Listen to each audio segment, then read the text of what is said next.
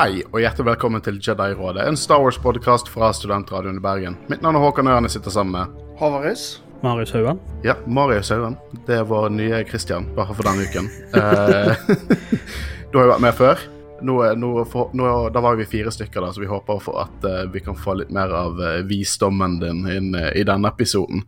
Eh, Jeg, jeg har så mye, så mye av det òg, så det, det går fint. Ja, frustrerende mye. Eh, og eh, ja, vi ble litt forsinket med denne episoden, men vi fikk jo gitt ut en, eh, en liten bonuspod der vi diskuterte alle disse store nyhetene. Så dere har i hvert fall hørt noen av stemmene våre litt denne uken, men har vi i hvert fall kommet inn i hva de kaller det, penultimate-episoden i sesong to av The Mandalorian. Denne her er jo regissert av Rick Famiua. Jeg tror jeg har nailet uttalelsen på det navnet endelig. Um, han, han har jo laget to episoder tidligere i, i Mandalorian. Altså eh, episode to av sesong én og eh, The Prisoner, altså episode seks i sesong én. Han kommer tilbake igjen nå. Og eh, denne episoden, da, The Believer, hva synes dere? Én setning. En setning hver. Digger han. Det var akkurat den setningen jeg hadde tenkt å si. Du er så sykt lat på denne greiene. Nei, det var, det var en veldig god og solid episode. Og eh, det nærmeste vi kom en spy-thriller i eh, Star Wars, vil jeg si. Jeg, jeg ville si at det var eh, forfriskende tilbake til røttene. Det er det. Jeg likte vel, episoden veldig godt. Det, det, det, nå går jeg vekk fra min regel om én setning, da, men det føltes som en Ja, det er en dårlig regel. Hvordan kan vi Når det er så mye bra ikke, Jeg så en annen bare- podcast, Vi kommer jo til å snakke om dette en time videre, sikkert, så vi har nok å si. Men det var en liten pallet cleanser. Det var ikke en stor reveal. Det var på en måte, det var Mando-action som eh, bringte plottet videre til eh, mot finalen, og det, det satte jeg pris på. Det var veldig det var bra regissert. Det var bra regissert med god pacing og balanse mellom action og dialog, så jeg, jeg, jeg satte veldig pris på uh, denne her. Uh, og vi skal jo diskutere da chapter 15, The Believer, men først Marius, grunnen til at du er her, leide inn til å promotere våre sosiale medier. Hva er det våre følgere skal gjøre? Å ja. De må, må like oss på Facebook og Instagram. Sånn, sånn shit. Og eh, det er helt riktig det du sier der. Og vi har jo et lite sånn segment på slutten av sendingen der vi går gjennom hva dere lyttere synes om eh, episoden, og kommer med kommentarer eller eh, snakk om det. Så det er jo måten å få dine meninger ut gjennom Jedi-rådet, er jo å, å svare på historiene våre på, på Instagram eller sende oss meldinger for den saks skyld. Det setter vi alltid pris på. Og vi fikk rekordmange inn i, i dag. Det har bare gått opp og oppover. Uh, og vi er veldig takknemlige for det.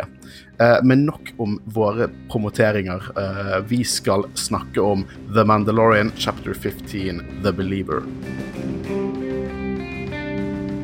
Jeg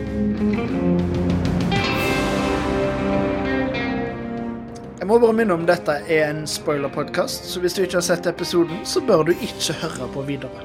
Trooper, hey, trooper. Pay attention when Superior Justice you. What's your spoilers?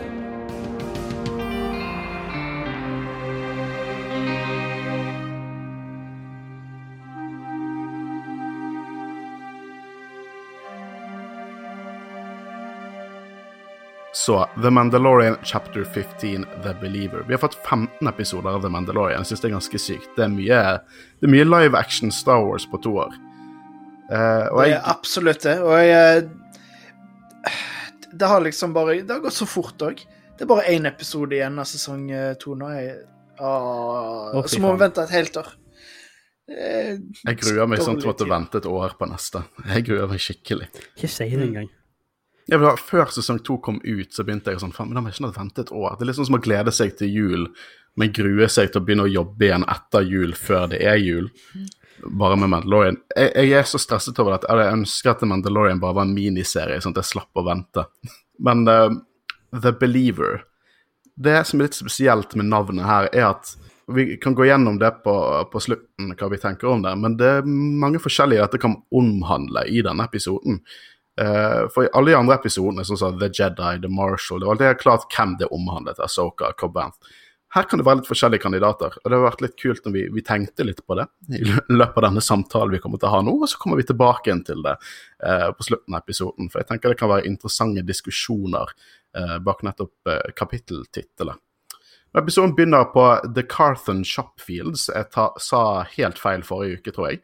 Eh, og vi ser The New Republic bruker fanger til å ødelegge alle de ikoniske skipene til The Empire, som, uh, som jeg ikke setter pris på. Uh, og eh, vi får se liksom disse her Walker-kranene som vi så noe lignende design til i episode tre i sesong to.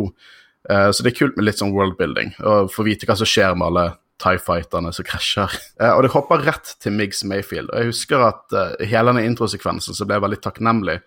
For at du hadde vel litt bekymringer om dette, Håvard, at denne episoden skulle bli bare en sånn stor prison break-episode. Ja, uh, jeg var jo inne på det i forrige episode òg, når vi spekulerte litt, at jeg håpte at det bare kom til å bli sånn OK. Jeg håper dere hører knipsingen, for at liksom, at det skulle gå ganske fort. At liksom OK, nå har vi Migs. Nå er vi der. Og så er det liksom noe helt annet som skjer, fordi Ja, Prison Break-episode kunne jo fungert, det òg, men uh, vi har jo allerede fått det i sesong én. Mm. Så jeg er veldig glad for at uh, ja, at, at de klarer å ta Mayfold med en gang, og så bare er det noe helt annet som skjer i episoden. Jeg, eh, jeg, eh, jeg, var jo, jeg likte jo Jeg likte jo Mayfield uh, fra uh, sesong én. Jeg vet at det har vært litt sånn omdiskutert. Det er ikke alle som synes at karakteren er den beste. Uh, jeg ser at Marius lagde et fjes til meg. jeg liker han ikke i det hele tatt. Eller, jeg likte han ikke, kan jeg mer si.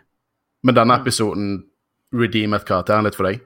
Ja. For jeg er egentlig ganske enig med Marius, fordi jeg, jeg har ingenting imot Bill Burr. Jeg syns standupen hans var veldig bra, men i Star Wars-universet så føltes det litt for meta, på en måte, og alle de vitsene, og liksom plutselig hører du en Boston-dialekt, og jeg syns ikke det fungerte, og det hjelper ikke av at den episoden er min minst favoritt fra sesong én. Jeg, jeg, følte liksom hele, crew, hele crewet der var sånn over the top. Sånn vi, vi er skurker, og vi, vi, vet det. Som jeg tror var meningen. Uh, på å skaffe litt paralleller til, til, Mandalorian og hvordan han interagerte med dem. Men jeg, jeg er enig med det dere sier, bortsett fra at jeg likte Bill Burr sin karakter. Uh, nå liker han enda mer, for han har mer dybde. Det, det er faktisk mer til han. Uh, og han er i et annen setting som gjør at han kanskje har mer, viser mer svakheter, kan jeg si. Jeg bare sier, Det minte om når vi så Ed Sheeran i Game of Thrones. Det er samme følelsen jeg fikk da jeg så Bill Burr i sesong 1. Ja. Jeg hadde ikke problemer med Ed Sheeran i, i, uh, i, Game of Thrones. Det var jo bare en soldat som sang. Det var litt meta, men jeg hadde ikke så problemer. Det er andre problemer i Game of Thrones som er betraktelig større. Men uansett, vi snakker om en, en bra serie nå. Jeg likte Game of Thrones helt opp mot slutten, for å si det sånn. I hvert fall. Uh, jeg liker at uh, vi får se disse droidene fra sesong 1, disse New Republic uh, security-droidene, minner meg litt om KX-droider, altså K2SO. Uh, I hvert fall underdelen. Så jeg begynte å lure på om det var en KX-droid vi skulle se, for kameraet gikk, begynte liksom på føttene gikk oppover. Og det jeg satte mest liksom tankene mine på her, var at denne droiden går bort til Bilber, Bilber Mix Mayfield, som driver og, og arbeider med noe, og så sier han 'please salute Marshall Dune'. Og hun har fort økt i, i rankene hos New Republic. I sesong 1 snakket hun om at hun kunne fått livstid i enkelte system dersom hun ble tatt, så hun må jo ha gjort mye shady shit i, i sin karriere. Men altså Vi har jo snakka om det mange ganger. I Star Wars så er ikke militærrang en ting. Fordi når Luke, Han Solo, Lando Calrissian alle bare blir generaler, liksom willy-nilly Anakin er en general, for fuck's sake. Det er liksom i Star Wars-universet så kan ikke det eh, være et uh, stort problem, altså. Men uansett, hun har jo faktisk møtt Moff Gideon. Det er jo noe som de må nesten ha gitt beskjed om til uh, The New Republic. Kanskje bare holde det hemmelig. At liksom, å ja, by the way, Empire, de er fortsatt en ting. Det, for alt de visste, så var jo Moff Gideon drept, men de kan jo godt hende at de har hørt om hvordan For det, Carson nevner jo at dere har ryddet opp Navarro ganske godt. For da kjempet jo de mot Imperial Remnants. Så kanskje de nyhetene som rett og slett har gitt henne litt mer uh, creds. Ja, altså, jeg syns jo det er litt rart at en helt ny ranger kan bare vandre inn i et fengsel og bare sånn hente en farlig fange. Bare sånn, ja, nå stikker jeg med han. Det virker litt rart, altså. Ja, det er dårlig security, men senere så får vi se sånn så lenge du har et fjes, så kommer du inn i, i våre terminaler. så ikke ikke ok. veldig sterk security hos enten Republikken eller Imperiet i denne episoden. Greit. Uh, og jeg, lik, jeg liker den utålmodige drøyten, for det, uh, Migs er jo litt sånn Hva er det du trenger meg til? Dune sier at hun har en jobb, og han er litt sånn skeptisk. Hvem faen er hun? Uh, og uh, drøyten begynner bare rolig, men utålmodig, og truer han, da. Eh, så en gøy liten scene. Jeg tror min favorittscene her Det er mye mer episke ting som skjer. Eller ikke, Det er mange gode scener, denne. Jeg har en favorittscene. Dette er ikke favorittscenen min, men den er veldig gøy.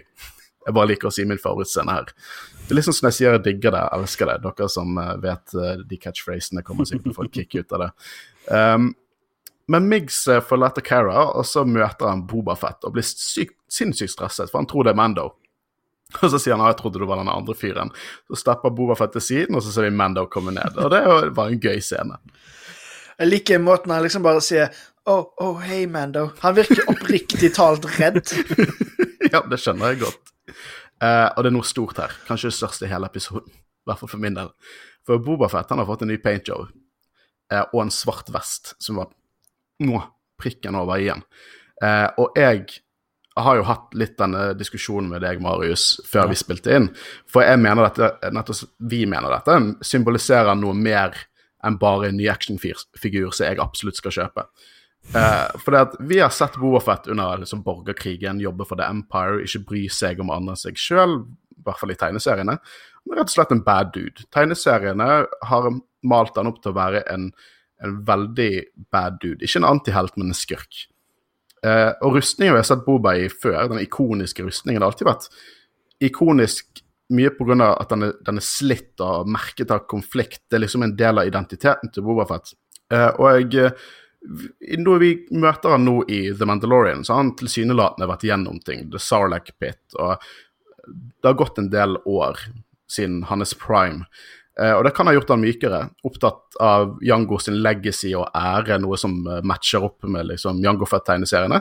Og den nye malingen kan rett og slett representere en ny vei for Boba. Liksom Framfor den slitte gamle, som kanskje, som kanskje symboliserte en korrupt feil vei, så er det på en måte en, en ny, mer ærefull vei. Kanskje det handler om legacy til sin far og sin egen legacy.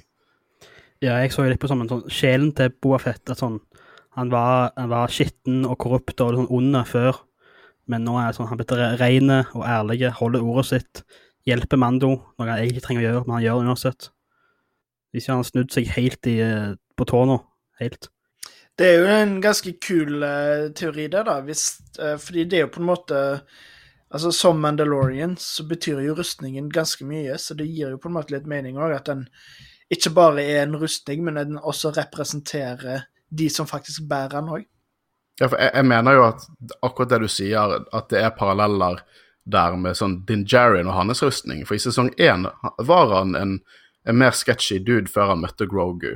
Da hadde han på en måte denne eh, rustningen som var slitt og vært gjennom mye, og vi får vite senere i, i serien at han, han har en litt sånn eh, litt sånn uh, skitten bak, uh, bakgrunn. Han har gjort mye ille. Og så møter han Grogu, han får ny og ren Beskar, som på en måte, på en måte også representerer eh, et blankt papir, en ny vei for å bli en bedre person, rett og slett. Eh, og jeg, en annen veldig viktig ting, at det er noe mer, det er noe mer nær dette her, det er en sånn liten detalj på ørene til Boba Fett som eh, vi så sist i, på ørene til hjelmen i Empire Strikes Back, som ikke var med i Return of the Jedi, så det var veldig gøy at de har sett den detaljen og, og, og tatt den med. Det, det gjør meg veldig happy. Eh, Men du, betyr det her at eh, det ligger maling bare ligger rundt i Slave One til sånn enhver tid? Ja, men det gir jo egentlig litt mening, da. Ja, men så Mandalorians maler jo rustningene sine i hytt og pine. Vi har sett mange fargerike Mandalorians. Bare se på Sabine. Så Ja, vil du tro at uh, de har maling. Men kanskje det er en eller annen sånn sci-fi-maling som klarer å komprimere seg enda mer, så du trenger bare en liten sånn spraycam for et stort prosjekt. Nei, jeg liker å tro han har, har malebøtter bare liggende i Slave One, med sånn kost og alt. Eller sånn Eller det som kanskje skjedde, var at eh, mens de liksom strever med å få tak i Grogu, så har Boba Fett sånn gått innom liksom eh, eh, Star Wars sin Walmart og kjøpt med seg uh, noe maling. Jeg må, jeg må bare fikse dette først. Det er viktig for karakteren min. Hvor kul ser han ikke ut, da? Det ser veldig kul ut. Jeg må si at det tok meg litt tid å, å det, det var litt sånn off-putting først. For at Boba Fett er så sykt det, det som er så sykt ikonisk med den er jo også denne rustningen og hvordan den ser ut. sant? Og så Nå var det liksom helt prime. Så det, det var litt off-putting, og så bare var det noe som bare Ah, dette er jo dritkult. Jeg tror vi merker hvor lav eh, Morrison er i forhold til Mando når han står ved siden av ham. Du merker han er litt lavere. Ja, han er vel uh, 1,71. 1,71, ja. Uh, He's a cool dude, though. Ja, veldig. Uh, men jeg også jeg, elsker alle disse her uh, kleine scenene med Mayfield. Uh, det er flere av de i denne episoden. Uh, han er helt klart en sånn litt mer normal dude som er om, outnumbered av badass karakterer. Sånn alle de fire andre i crewet er liksom de dusørjegerne slash soldatene, og så har du på en måte Mayfield, som er jo en sharpshooter, men allikevel, han er litt sånn mer Joe Schmoe i dette her. Akkurat i denne episoden så, så likte jeg òg Bill Burr. Altså, ikke det at jeg ikke likte Bill Burr tidligere, men en av grunnene til at uh, jeg likte Mayfield bedre denne episoden, er at Bill Burr spiller skikkelig bra i denne Mm. episoden. Han virker mer komfortabel i rollen sin, rett og slett. Det, det, det syntes jeg. Allerede fra første øyeblikk så føltes det mer natur... Det var ikke Det er selvfølgelig Bill Burr vi ser, for det, han kommer alltid til å være mer Bill Burr enn noe som helst annet, men det ja, føltes mer naturlig der. Det, det virker som han senker skuldrene sine litt, og nå var han en del av Star Wars. Eh, så kan det godt hende at det er noe der. Dette er jo andre gangen han spiller den karakteren. Og han spør jo selvfølgelig hvorfor de trenger han, og de forklarer at siden han er Imperial, eh, noe han tilsynelatende ikke liker å bli kalt, eh, så kan han da protokoll og klareringene til The Empire. Og det var noe vi spekulerte litt om tidligere. At eh, Hvorfor de trengte han. og for når, når vi fikk høre at Miggs Mayfield skulle være med, så tror jeg meg og sikkert mange andre tenkte liksom Han? Skal han hjelpe de? Hvorfor han? Eh, Så jeg liksom, eneste, Han er jo egentlig den eneste muligheten fra The Empire som ikke skyter mot Mando med første øyekast. Så det er jo en enkel, enkel forklaring på det. Men kjøpte dere at de trengte han? At det var han som var liksom limet i dette? Ja, absolutt. Eh, de kunne jo bare gjort eh, guns blazing og trua det til seg, men samtidig da vil jo også mest sannsynlig eh, Moff Gideon få vite at noe sånt har skjedd. Eh, så ja, jeg, jeg kjøpte det. Og de, de tror jo at Empire er vekke, så jeg tviler på at selv om Mando sikkert har kjent mange Empire-folk opp gjennom årene, så er dette her den eneste han på en måte har litt kontakt med, i hvert fall. Ja, jeg, eh, jeg kjøpte helt, altså vi har jo sett før hvordan serien bygger at han treffer noen, så trenger han igjen senere. Så han har truffet, så ikke unormalt at han trenger de han har truffet før. Så vi Nå, nå, nå trenger jeg bare Cobb Vanth tilbake, jeg, så er du happy. Og så, en liten sånn, litt sånn humoristisk eh, scene der Cobb Vanth kommenterer 'Å, du har rustningen min til Bobafett', og så klikker det litt vinkel for Bobafett. Jeg har Og lyst til å se det. Og Frog Lady. Viktigste Frog Lady. Ja. Aldri glem Frog Lady. Uh, og vi får liksom mer innsikt i Slave One. Noe sinnssykt kul innsikt, faktisk. For det at jeg har alltid lurt på dette. Dette har vært sånn barndomsspørsmålet mitt. Sånn, hvordan er dette et effektivt skip? For det lander jo på ryggen, og så er det liksom Det, det, det er helt weird. Og i Legoen så roterer jo alltid, eh, alltid cockpiten, men det vet vi jo vi ikke gjør i Cannon. Vi ser jo Bobafett uh, sitter i, eh, i cockpiten i Attack of the Clones, og der sitter hun helt weird. Så sånn, Hvordan kan du ha ting der? Hvordan, hvordan går dette? Hvordan kan du ha fanger i rom der uten at de bare knekker nakken hver gang du tar av? Og det er så enkelt som at lasterommet roterer når skipet letter. Og det var utrolig kult å, å bare se inni skipet mens det lettet. Mm. Eh, og Veldig stilig konsept. jeg Veldig det. glad for at de gjorde det. Og det er sånne ting som er så kjekt med Mandalorian, og egentlig viser hvor mye John Favreau og eh, alle som er involvert, hvor mye de på en måte Sånne små detaljer som bare er dritkule. det, det, det er forskjell på Jeg skal ikke hate for, for mye på JJ Abrams, men det er litt forskjell på, på enkelte ting vi får i, i f.eks. Rise of Skywalker, egentlig de fleste sagafilmene. Sånne små detaljer blir på en måte ikke fokusert på. Det kan være for tid og pacing og sånn. En serie er det enklere, så ikke så mye hat på de, men det er bare det er sånne små detaljer som jeg tror mange fans er sånn Hvordan fungerer det? Jeg har litt lyst til å vite hvordan det fungerer. Og Mandalorian er liksom perfekt plattform til å utforske det litt. Uh, og jeg syns det er mer på verdensutbyggingen, rett og slett, å se sånne små ting. Og jeg setter veldig pris på det. Altså, de JJ var jo travel med, med lensflare, han kunne ikke ha for mange detaljer i tillegg. Jeg syns han holdt seg litt i nakken med lensflair. Liksom, har dere sett Star Trek nylig? Ja. Vet du hva, jeg hadde aldri noe problem med lensflare. Kan jeg bare si det? Jeg hadde aldri noe problem med lensflare til, uh, til JJ Abrams. Jeg syns det var litt kult. Men, men alle sier at jeg må hate på det, så jeg er sånn begynner å lure på om jeg bør gjøre det. Uh, men Mando forklarer nå da at de, de trenger koordinatene til Moff Gideon sin cruiser, at, uh, og dette er jo noe Mayfield ikke har lyst til. Så her begynner jeg å lure litt på, kan de stole på at skipet bare står i ro på et område? Må de liksom kjappe seg med en gang de har fått koordinatene? Det, er dette en, liksom en ny sånn tracking fob fungerer mer magisk enn The Force-øyeblikk? Jeg tenkte mer det at det på en måte Altså, som i Rogue One, så har vi jo allerede fått vite at lightspeed tracking er en ting. Så det må vel være noe equivalent of det, kanskje? At de liksom vet OK, eh, nå har vi koordinatene på skipet, nå kan vi tracke det skipet Jeg vet ikke. Det, det, er sånn, eh, det er litt sånn tracking for, føler jeg. At uh, ja, det fungerer, men ikke spør oss hvorfor. ja, det, det er litt det jeg føler, altså. Jeg tror ikke koordinatene er sånn like nøyaktige som de er her, da. Jeg tror sånn er sånn, de viser et sånn ganske stort, generelt område. Sånn, de er i det solsystemet, liksom. Det er ikke sånn de er akkurat på den meteren der. Men det, det er litt sånn Er det noen protokoller at du alltid skal ha et spesifikt område du alltid er på? For vi vet jo at det skipet ikke var Når de først skulle begynne å finne skipet, så hadde jo de nettopp dratt fra Titan. Så det er sånn, da var jo ikke det på samme koordinatene. Men eh, ja, dette er et svar som vi får helt sikkert i Visional Dictionary. Uh, Pablo Hidalgo og Storygroupen kommer til å gi oss noe snedig der. Uh, men internett har jo funnet ut, hvis kartet er nøyaktig i denne episoden, at de mest sannsynligvis er over eh, Narshada, i hvert fall i det området. Så kanskje vi får se Narshada i siste episode av Mandalorian sesong to. Det hadde i hvert fall vært utrolig kult. Mayfield virker faktisk nesten som han bryr seg eh, når han hører at liksom, the kid is gone. Sier han 'little green guy'?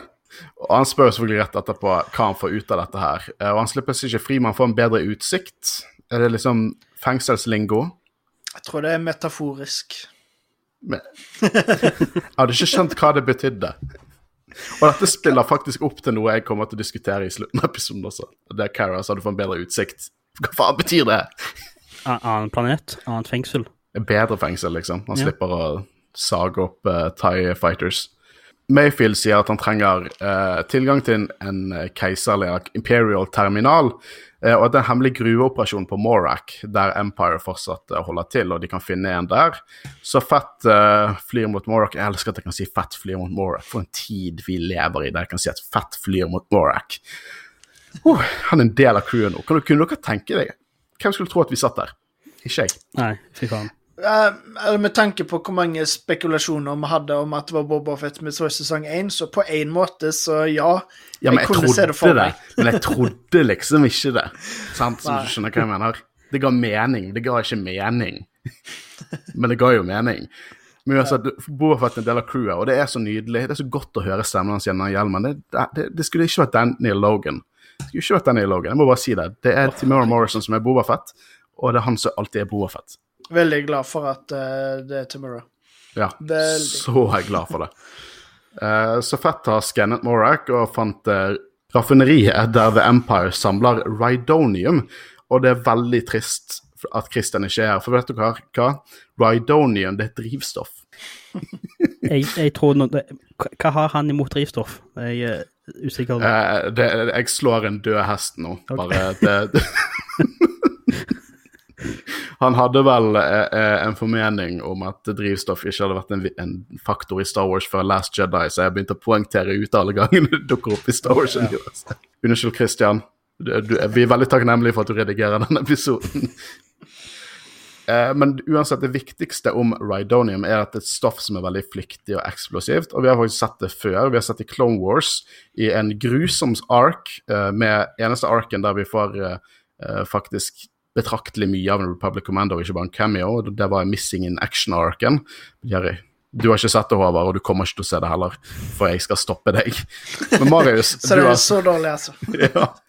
Men Marius, du har sett den. Det er de droidene som går på ferd sammen med en bitte liten froskegeneral. Jeg gidder ikke si rasen engang, for jeg hater denne arken. Så jeg, jeg har noen vage minner om det, ja. Det er som en feverdrøm. Det er så dårlig. Men det har også dukket opp i Rebels, eh, og jeg, eh, det er eksplosivt. Eh, I Clone Wars Rebels er det veldig unike eksplosjoner. litt mer tradisjonelt i denne episoden. Men på, jeg fant også ut at på Jakku etter borgerkrigen, det er jo et drivstoff, så ville mye av vrakene til disse skipene lekke ut Rydonian i sanden. Uh, Rydonian er jo veldig verdifullt, men det gjorde området veldig farlig, så det var mange skraphandlere som utforsket de områdene for å gamble på å finne Rydonium eller sprenge i prosessen. Så det er jo en kul liten de detalj. Jeg liker at de, de trekker inn litt som ikke bare finne, de, kunne, de kunne lett funnet på bare helt nytt uh, materiale som de skulle ha der. En ny McGuffin, men så trekker de inn småting fra Cannon, og det, det setter jeg pris på. Uh, og her er en veldig gøy liten vits. For det er at Mayfield han sier, den sier liksom at Fett sier at Rydonian er volatile explosive, sier Mayfield. Ja, akkurat som hun. Og så ser jeg ikke Bobafett humoren i det hele tatt. Jeg syns det er så gøy. det er så meta. For her har du en karakter som tar seg sjøl så sykt seriøst i Bobafett, og så Migs Mayfield som er bare litt wacky, litt meta. Uh, jeg syns det er veldig gøy. Det er litt sånn som han Mithril i uh, The Siege. For han, han, sa litt sånne ting som jeg føler vi hadde sagt hvis vi var i det scenarioet. Liksom, hvorfor er ikke det sånn sikkerhetsgjerde på disse tingene? Jeg, jeg jeg synes det er et kult lite kons liksom, konsept som Star Wars bruker av og til. At, jeg jeg syns det er gøy. Mm. Det er kjekt når de ikke tar seg så Det er veldig kjekt når de ikke tar seg så seriøse det, det, er noe av det med Star Wars. Det skal ikke ta seg selv altfor seriøst. Det er mellomting, for det er et veldig goofy univers. Jeg kan si at det er goofy univers som blir kult fordi det tar seg selv seriøst. Og så er det en, selvfølgelig en liten miks der, men det, det, er på en måte det som er Star Wars for meg, da. Og jeg elsker nye crewet. Det er awesome. Bare awesome, kule, badass folk eh, og Mayfield. Eh, og det, det, er liksom det, det, det er crew made in heaven og Mayfield.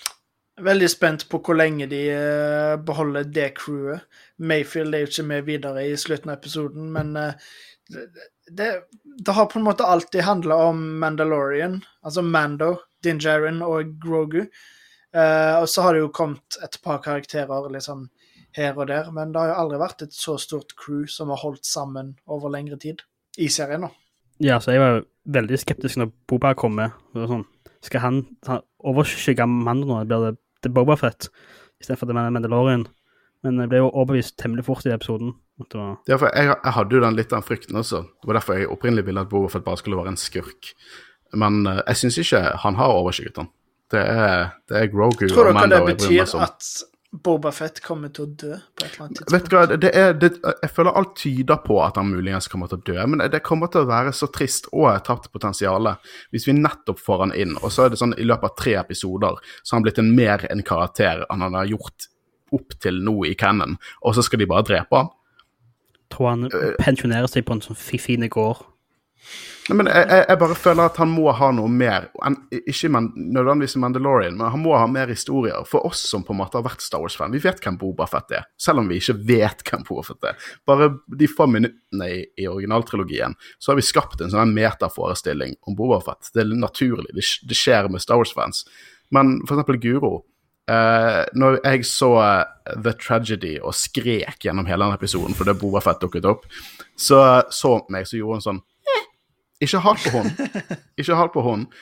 Hun har, ikke, hun, hun, hun har sett helt unbiased hvem Bobafett er i originaltrilogien. Altså litt sånn this guy. Uh, og hun syns det var kult. Hun vil at det skal være mer karakter der. Men jeg tenker litt på sånn fans som hun, som på en måte ser dette her. Kanskje ikke har nostalgien. Så blir jo det plutselig veldig tapt potensial om denne karakteren kommer inn og endelig blir en karakter, og så bare dreper de han. Jeg, jeg, er helt enig i det. Jeg tror han eh, dør på Mandalore, hvis vi ser inn uh, Mandalore borgerkrig i sesong tre eller noe sånt.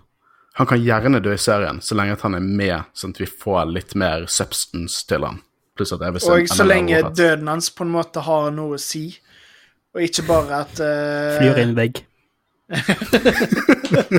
eller uh, Eller faller opp i en Sarlac i hendene. uh, hva var det i, i i Battlefront 1, hvis du flyr med Bobafett over en Sarlac, så sier han 'Not again'. eh, så Morak, vi kommer til Morak, og vi kan vel kalle det Scariff uten så mye hav. Det er litt den tropiske følelsen. Eh, litt uh, Vietnam-esk. Så jungel, med andre ord. jeg prøver å male et bilde her, men jungel, ja. og vi ser en Imperial Combat Assault Transport, aka en Juggernaut. Minner meg litt om en lang versjon av eh, Clone Turbo Tank som vi så i Empire. uh, som Empire brukte i Rogue One, også fra Revenge of the Sith. Og den så veldig bra ut. Det var mange ganger jeg bare Hodet mitt skrudde seg av, og så bare antok jeg at alt var fysisk og ekte. Sånn, Jeg vet ikke hvor mye om det, dette var på location i det hele tatt, men denne episoden var bare Hvis dette var det Volume, så tror jeg kanskje det er det mest imponerende jeg har sett. Det er et par steder der, jeg, der de nesten må ha vært på eh, location. Og eh, du ser jo til senere i episoden så går de jo ut av den der uh, juggernauten, så jeg tror i hvert fall deler av den er lagt som et sett. Det så i hvert fall utrolig bra ut. Ja, Mm. det, det er et, et scene der han går inn, ja, ut vinduet, inn igjen og opp luken. Og det så ekte ut. Uh, for ellers ville jeg vært vrient å få til det, tror jeg. Jeg er bare, jeg er bare så sykt imponert, for jeg husker bare for et par år siden, hvis noen hadde sagt en Star Wars-serie, så til og med når vi hørte annonseringen av Star Wars-serien, så begynte vi å snakke om ja, men kommer de til å få til CGI igjen. Og dette er filmkvalitet. Det er veldig sjeldent at det blir tatt ut av, av serien pga. CGI. Av og til vet jeg ok, det er CGI, men som regel så er det på en måte underbevisstheten min så bare faller alt på plass. Men de setter i gang og planlegger. De skal ta over en juggernaut, og Mayfield skal få tak i koordinatene og bli dratt ut av uh, sine quote-unquote buddies. Så Fett han er på Aircav Watch med Slave One, og de planlegger å hente Mayfield når han har fått tak i koordinatene. Eh, og Her er også en veldig gøy liten sånn sekvens, for Carrie Dune har jo lyst til å joine Mayfield på dette, her, sånn de to om det, men han blir stoppet når Mayfield forklarer at uh, disse basene er styrt av ex-ISB. Og Håvard, vi har jo snakket litt om ISB før, du har vel kontroll på de nå? Uh, Det er KGB. eh, CIA. Eh, Samme hva. Så det er jo samme underorganisasjon av The Empire som Gideon, eh, Gideon jobbet for. Og eh, det er mye fellesvakter, da. Hvis Moff Gideon, hvis Imperial Remnants rett og slett er bare masse ISB-folk de, de har jo på en måte know-how og, og eh, potensielt eh, ressursene til å sette, sette dette sammen. Ja, så de er jo en haug- haug med kakerlakker alle sammen. Eller ISB. ISB er en stor organisasjon, og du burde ha full respekt. Ja, ja, men jeg synes de, de er jo kakerlakker for de spioner i mitt hode. Og lederen deres ble drept av en gal psykopat eh, tenåring i form av Luke Skywalker, så det, det ikke, har, har ikke vært lett å være de heller. Eh, så hele poenget er at hvis Cara ble skannet, og hennes genetiske signatur vises eh, på en eh, New Republic-register, så er jo spillet tapt. Eh, og Cara går jo gjennom og er naturligvis veldig mistenksom når det gjelder Mayfield sin bakgrunn. Hun er tross alt en eh, en bak bakhistorie med Alderon og et sterkt hat mot eh, The Empire. Uh, Fennec Shand, eh, ikke veldig overraskende, hun sier at hun har etterlyst ISB, så det går ikke med hun heller. Og så sier Boafett, og dette, dette er så perfekt, han sier bare La oss si at de kan kjenne igjen ansiktet mitt. Og det er så gøy. Er dette en klonevits, eller er det en vits om at han har jobbet med Vampire? Jeg bare elsket av hvordan han, han sier det. Jeg syns det var kjempegøy. Jeg håper virkelig vi får en klonescene. Der liksom, eh, det er vel ikke så akkurat Det er vel ikke noen kloner som lever fortsatt, med mindre det er sånn Det er én klone som lever. Rex eller noe sånt. Ja, han heter eh, Boba Det, det er faktisk han som er med i denne episoden. Han er en klone som lever fortsatt. Det er én klone til, og det vet du. Men uh, ja, jeg, jeg håper at på et eller annet tidspunkt så får vi en scene der liksom Hey, I know you, eller et eller annet sånt, nå, og så er det fordi han er en klone. Ja, så Før eller siden så bør noen se han sånn «Oi, Det er Boba Fett. Han er jo sånn Det spørs hvor mye han tok av hjelmen. da. Ja, satt nok. Jeg, jeg håper at det var en klonevits, men jeg, jeg håper for at det kan være noen andre. Men jeg bare håper det er en klonevits. Jeg tror det er begge deler. Jeg. Ja, det, jeg kan være enig i den. Uh, så Mando, han, det er jo han som er siste igjen nå. Han ser på tanktrooperne. og Yay, tanktroopers! Det er gøy. Det er masse Rogue One-design med i den episoden. Jeg elsker det. Men tanktrooper har hjelmer, så han får en idé. Det er nesten så vi ser at en sånn lyspære går oppover opp over ham. Eh, og han sier 'jeg skal være med, og jeg skal ikke vise fjeset mitt'. Så vi får liksom denne her phase one eh, av planen deres. da. Så Cara tar ut begge tanktrooperne når de er i tunnel. Jeg liker at de har nok tiltro til hun til å bare sende henne inn alene til å banke opp to tanktroopers. Eh, og da tar Mando og Mayfield på seg eh, rustningen. Og eh, Mayfield er sånn supermobbete mot Mando i denne episoden. Mm. Kan vi kalle dette rasistisk mot Mandalorians? Eh, ja, fordi han er jo ganske rasist senere når han sier 'you people'. Han er veldig åpen om And by you people, I do mean Mandalorians. Men òg eh, Jeg liker at han uh, på en måte tøyer grensene litt, fordi vi så jo det at i begynnelsen av episoden, så når han så at det var Mando, så var det så, så virka han rett og slett ganske redd. Men nå har han på en måte funnet litt dynamikken og skjønt at OK, de trenger meg faktisk, så da kan jeg være litt sånn drittsekk. så jeg liker at han tøyer grensene og alt mulig sånt. Det ja. Jeg liker det. det, det jeg tror Mando generelt serien har, har, har godt av å ha en litt sånn karakter til tider. Det blir ofte veldig alt er badass og alt er kult. Uh, og dette er jo kult også, men skjønner hva jeg mener? Litt, sånn, litt mer comic relief til tider. Som regel er jo det Grogu, vil jeg påstå. Han er ikke med, la dere merke, godt merke til. Jeg, måtte, jeg kom på sånn etter det satt episoden at det var et eller annet som manglet. Jeg klarte ikke eh, sette fingeren på hva det var som manglet. Og sånn, faen, Grogu var ikke med.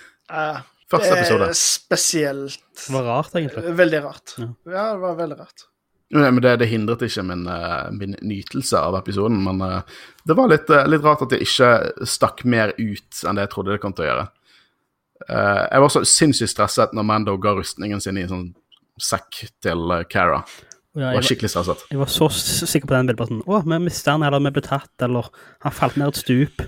Ja, jeg, jeg, bare, jeg husker det var noen youtubere som spekulerte at kanskje Mando mister rustningen sin og må, må på en måte lære seg å jobbe uten. Og jeg var sånn, Men jeg vil ikke se det.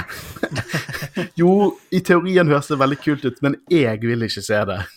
Jeg vil heller at han bare skal ha rustningen sin. Jeg ble stresset når, når han ga Asoka den denne rustningsskulderplaten som, som beit. Jeg bare sånn nå må, du, nå må du plukke den opp igjen, ikke la den ligge. Er du stresset for at du egentlig vil ha den sjøl? Du er ikke den andre enn Mando har den? Jeg, bare, jeg, bare, jeg lever meg såpass mye inn at hvis jeg var Mando, så hadde ikke noen ta på rustningen min uten de hadde på bomullshansker. Det er liksom som meg og liksom uh, hottoysene mine. Det.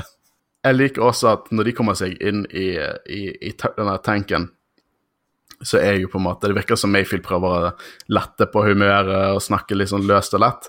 Og Mando virker skikkelig grinete. Han bare sitter og ser rett fram, beveger seg ikke. Uh, og sånn, og han får ikke lov til å bruke den kule Mando-rustningen. Og til og med Mayfield sier sånn der Du får jo bruke en hjelm fortsatt. Det er ikke Mandalorian-hjelm. Litt sånn jeg føler meg hvis jeg uh, var i hans sko. Eh, og uh, Mayfield begynner jo å snakke litt som det du hintet til, Håvard. Han var sånn I don't know how you people wear those thing, and by you people I do mean Mandalorians. Og jeg vet ikke hvorfor, jeg, jeg, jeg syns det var så vittig. De kommentarene syns jeg var så sykt vittig. For det var litt så lite Star Wars, samtidig som det var veldig Star Wars. Det gjorde det Ja, litt det mer er på en måte litt som jeg har nevnt, at eh, det er litt metahumor, på en måte. Mm. Men det fungerer, fordi det, det er ikke over the top. Det er liksom ikke Det er ikke Robot Chicken, Og det er heller ikke er bare Poe Dameron som tar Your Mama-jokes heller. Så det finnes en mellomting. Ryan Johnson. Jeg elsker fortsatt Last Jedi, men den Your Mama-joken den traff ikke meg. General Hugs. Uh, Fennec og Cara de følger jo etter Juggernauten og, og gir oppdateringer til Bobafett. Uh, først når jeg så episoden, så skjønte jeg ikke helt Det virket som de bare sto på samme sted, og så så de alt skjedde. Som jeg synes var litt rart, men så så jeg episoden på nytt igjen, og de helt klart beveger seg. Eh, og Mayfield er veldig opptatt av at Mando skal ta av seg hjelmen. Sånn der Prøv å ta Nav. Det er veldig digg å ta Nav. Eh, Hvorfor har han så sykt en hard-on på å se fjeset til Mando? Hva er dealen? Hvorfor skal alle se fjeset til Mando? Fordi han er en drittsekk. Ja. jeg trenger ikke noe mer enn det, egentlig. Jeg liker også mange av de små detaljene her, sånn som eh, radiochatteren i Juggernauten eh, viser hvor proffe Vampire er, da. Eh, det er viktig med kommunikasjon, ikke de drittungene i Rebellion som sier oh, 'Great shot, Kate, that was one million', og ikke sier 'over' etterpå. Det er ikke rart at New Republic ikke klarer å holde styr på en dritt når de fyller 18-åringer som uh, hippie 18-åringer som uh, styrer det der drittet. Men det er kult settdesign i denne episoden. Jeg liker det, det får Rogue One feels. Det føles som en liten spirituell oppfølger til Rogue One, rett og slett. Med alle disse eh, tropiske områdene med alle vrakene fra Juggernauts. Det, det, det veldig stilig, rett og slett. En stilig filmet episode med Veldig stilig. Veldig stilig. Veldig stilig. Eh, Men det jeg synes var også veldig stilig, er jo den landsbyen. For den trekker inn litt sånn tematikk som vi ikke alltid får i Star Wars. Eh, For det, La oss diskutere litt, eller gå gå litt inn på det. For Mayfield og Mando de kjører forbi den lille landsbyen, og du ser helt klart noen barn som eh, helt klart har et vanskelig liv, fattig liv. Eh, Og Mayfield begynner å bli litt filosofisk. Snakker om at det er ingen rolle hvem det er som styrer i, i galaksen. Eh, Det er alltid noen som styrer over andre. Eh, og han trekker litt paralleller til Mandalorians og Mandalorian-krigene, og spør Mando liksom alle de Mandaloriansene som døde der, døde de, hadde de faktisk et valg? Så hvordan egentlig er Mandalorians annerledes enn The Empire? Og Mayfield fortsetter jo med dette her at hvis du er født på Alderon, så tror man én ting, hvis man er født på Mandalore, så tror man en annen ting, Uh, og at ingen av de eksisterer lenger. Mandalore har i hvert fall litt håp, uh, mens Alderon er jo bare den bare eksisterer ikke. Det, det er bare småstein i space. Jeg føler det viser jo litt at Mayfield ikke så, vet ikke kjempemye om Mandalorian, siden du trenger ikke være født på Mandalore eller være Mandalorian for, for å være en Mandalorian. Jeg vet ikke, for at, la oss snakke litt om Olmec. Bare, bare gå, hoppe litt tilbake til den douchebagen eh, Prime Minister Olmec som løy om at Jango Fett var Mandalorian, for man, Jango Fett er en foundling, har vi funnet ut. Men tror du at det kan ha vært konflikter i hva det vil si å være Mandalorians? At det er enkelte Mandalorians som mener at du ikke er Mandalorian hvis du, er, hvis du ikke er født der? Altså, jeg tror Almec var sånn uh, Mandalore-nazi. Jeg tror jeg nesten kan si det. Han, han, han mente at Mandalorians var kun de som var født på Mandalorians, eller på Mandalore. Som alle var tilfeldigvis blonde og høye og blåøyde. Ja, det er du faen meg spot on. Eh, Mando, eh, nei, Mayfield sier jo til Mando at de begge overlever, at de er mer like enn eh, de skulle trodd, og det liker jo ikke Mando så godt. Eh, men Mayfield fortsetter og sier at når Mando er desperat, så endrer reglene seg. Og jeg, eh, han begynner å snakke litt da og sier sånn Ja, ja, hva er regelen? Skal du ikke fjerne, vise fjeset ditt, eller skal du ikke fjerne hjelmen din? For nå har jo du ikke på hjelmen. Det er faktisk en, en forskjell. Eh, jeg vet ikke engang om Man Mando vet de reglene sjøl. Liksom, han, han er så De type Mandaloriansene i Children of the Watch virker så sykt kult at det på en måte Det er lett å på en måte bare simplifisere det. Uh, og det er jo litt det som er tematikken til uh, Mando i, i denne episoden. At, han, at reglene hans vil bli bøyd og endret på fordi at han er desperat. Eh, jeg liker også det Mayfield avslutter den lille talen med, at han, han sier det at uh, hvis man eh, av, avslutter liksom dagen, kommer seg gjennom dagen eh, og klarer å sove om natten, så gjør man det bedre enn de fleste. Og det fikk meg til å føle meg litt bedre om mitt liv, så takk, Mandalorian. Men OK, dette her, eh, hvordan de snakker, det er virkelig noe jeg elsker. Det, det gir mye mer dybde til universet, og, jeg, og det viser at Mayfield ikke har noe kjærlighet til The Empire. Han ser litt på verden litt sånn som DJ i Last Jedi gjør. At liksom good guys, bad guys, made up words. Uh, du har liksom de store maktene som hele tiden slåss. Det heter tross alt Star Wars. Men vil virkelig barna på gaten i den landsbyen merke noe forskjell? De har jo det fortsatt grusomt, selv om teknisk sett The New Republic har kontroll. Det er alltid en krig, og de vanlige innbyggerne i galaksen de, de, de får på en måte konsekvensene fra dette. Og vet dere hva? Det er én ting Empire hadde, hvis det først skal være krig hele jævla tiden. Har ikke dere mer lyst på orden og kontroll? Og fri og handel? Og folk kommer opp og på en måte kan ha på seg fine uniformer? Hæ? De Istedenfor disse drittungene. De hadde kanskje mer orden, ja. Men uh, det er jo bare fordi de ikke de bare gir faen i absolutt alle og, som ikke er seg sjøl. De styrer med en jernhånd, og det er på en måte Det er ikke noe Det er ikke noe bra. Det er ikke kontroll. Det er De kontrollerer, ja, men det er liksom Og eh, ja, det er jo på en måte litt sant det de sier, at ja, Empire, New Republic, hva er greia, hva er forskjellen? Det, jeg liker at når det er sånne ting, for det er faktisk, som vi har sagt så mange ganger, gråsoner. Elsker gråsoner i Star Wars. uh, men ja, jeg føler nok at selv om kanskje det ikke er så stor forskjell mellom New Republic og Empire, så er Empire fortsatt verre. Ja, altså, Empire er jo enda, enda verre, for de er onde med vilje. Altså, de, de utnytter alle. Altså, New Republic er bare dumme, inkompetente og i kaos. Men uh, det gir at de utforsker de gråsonene mellom de. Det er veldig spennende, egentlig. Og dere to naive barn. jeg, jeg må bare si at eh, Tror du at Thrawn og Tarkin var onde at heart? Faktisk så går de inn på dette her at Jeg tror Tarkin er ond i heart. dette, Nei, er du gal? Han er ute etter, etter eh, at du har en lovløs og kaotisk galakse.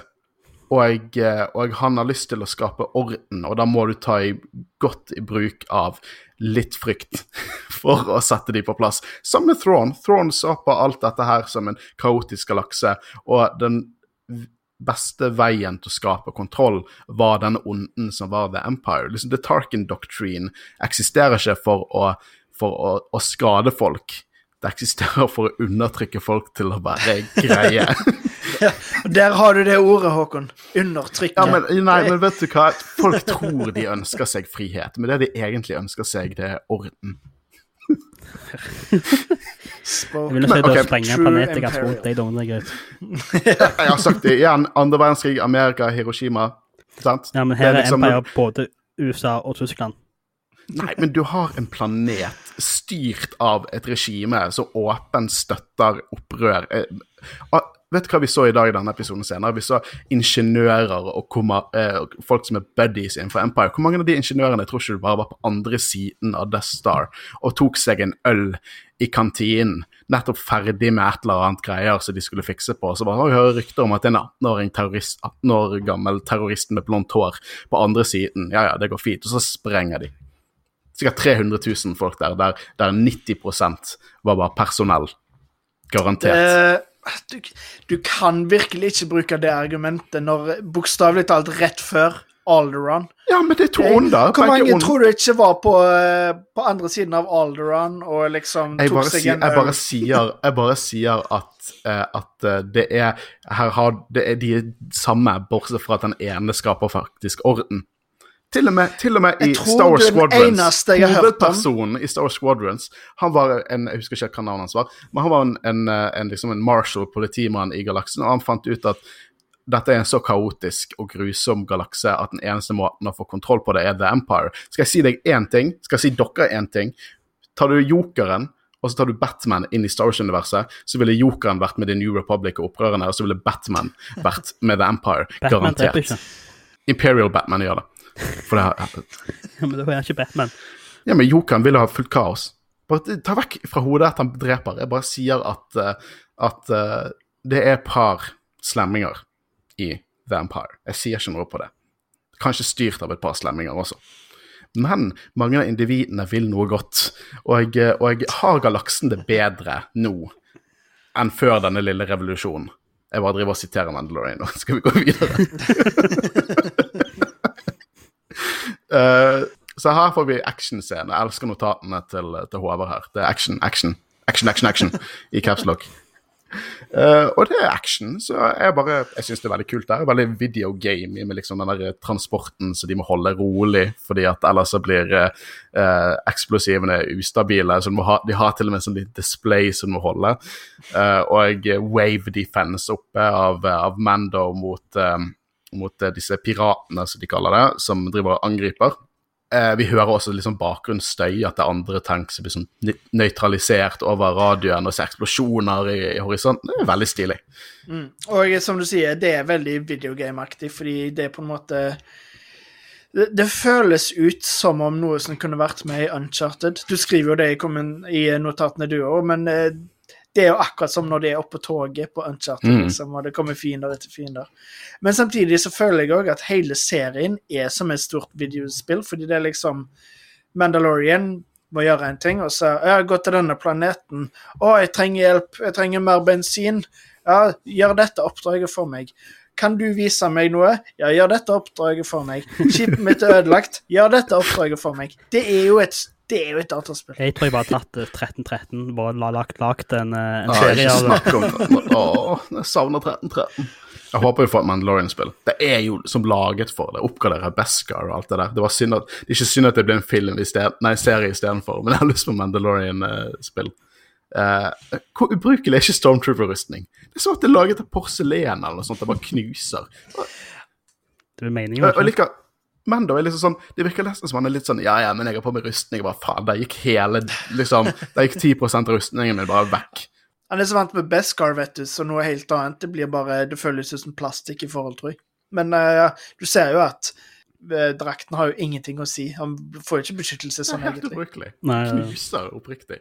Samme blasteren. Den bare funker med et par skudd, og så man kaster den vekk. Hvor ofte ser vi at det går tom for ammo i Star Wars? Det var et morsomt øyeblikk, men liksom bare jammer han seg. Jeg tror han eh, ble for varme. Overheata. Mm. Så hvis du har spilt mye I hvert fall dette Battlefront. Battlefront, så eh, ble regler. eh, vant, vant til det, ja. Det viser bare hvor lite det imperiet bryr seg om troppene når de går i sånn elendig rustning. Som aldri funket til noe i hele tatt. Men det, det handler litt om å ha en på en måte en uniform som vis, gir trygghet, og liksom eh, gir litt den dette kontrollen da, til folk. Og, eh, og jeg synes at det er enda bedre enn alle de der eh, drittungene, føler Luke Skywalker, som bare tar på seg hulter til bulter, ser opp så fullt av pirater, de òg. Som sikkert det de kan Jeg også, sammenlignes med. alltid tolka det som at det er mer som en uniform og ikke faktisk en rustning som beskytter, fordi du ser jo til og med når Ewoks klarer å slå dem med, med stein og sånn. De er ikke så kraftige rustning. Det er faktisk noe av det jeg eh, misliker mest med her, alt Star Wars. Ewoks. Og det er ikke Ewoksene, nei, Ja. ikke Ewoksene, det, det, det er Stormtrooperne i eh, Liksom, Ewoksene er ikke problemet i Return of the Jedi. Det er Stormtrooperne som er problemet i Return of the Jedi. At Palpatine sier sånn her uh, Battalion of my best troops await you on the moon. Sånn, really?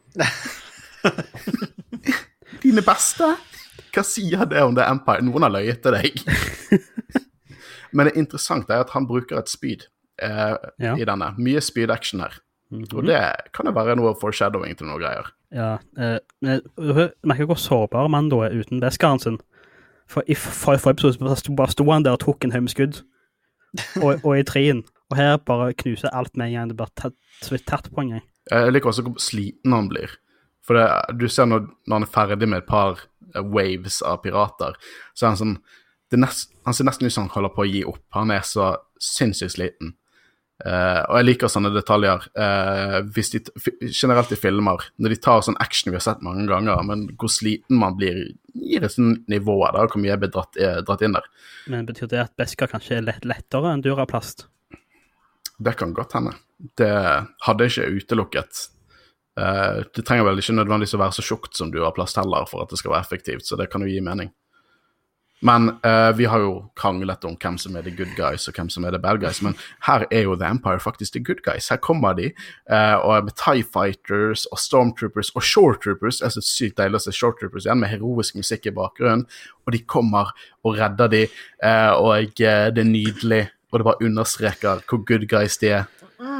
Jeg vil nok ikke si at de er the good guys, fordi de piratene de tror jo at Mando er en del av The Empire. Så egentlig har de jo felles fiende. Det er jo egentlig ganske dystert. De er bare frihetskjempere som vil at The Empire ikke skal være på planeten deres og eh, alt mulig sånn. Ja, men jeg er, jeg er helt enig med det du sier. For det er pirater, de skal jo stjele ting. Disse prøver jo bare å ødelegge det. Så det er jo helt klart at de er frihetskjempere. Eh, og faktisk, eh, dette var Molly fra Stars Explained som poengterte. I concept-arten så slåss Mando mot mennesker. Så det kan godt hende at originalt så var dette mennesker fra landsbyen, men at de tenkte det ble litt for mørkt. At Mando drev og drepte disse fattige frihetskjemperne. Det er egentlig ganske mørke greier, og det viser jo det at, at, uh, at det er ingenting som står i veien fra Mando til å redde Grogu. Han kan til og med gå ned en veldig mørk vei for å prøve å redde Grogu. Ja, det er tydelig at han, han blir jo nevnt flere ganger at uh, tøyer grensene, rett og slett. Ja, altså, jeg, det er ikke nødvendigvis at det Jeg tror bare sånn de bare leder leder inn hans at det er et spill. At det er sånn uendelig med fiender. Ikke egentlig viktig hvor jeg kommer fra, eller hva jeg gjør.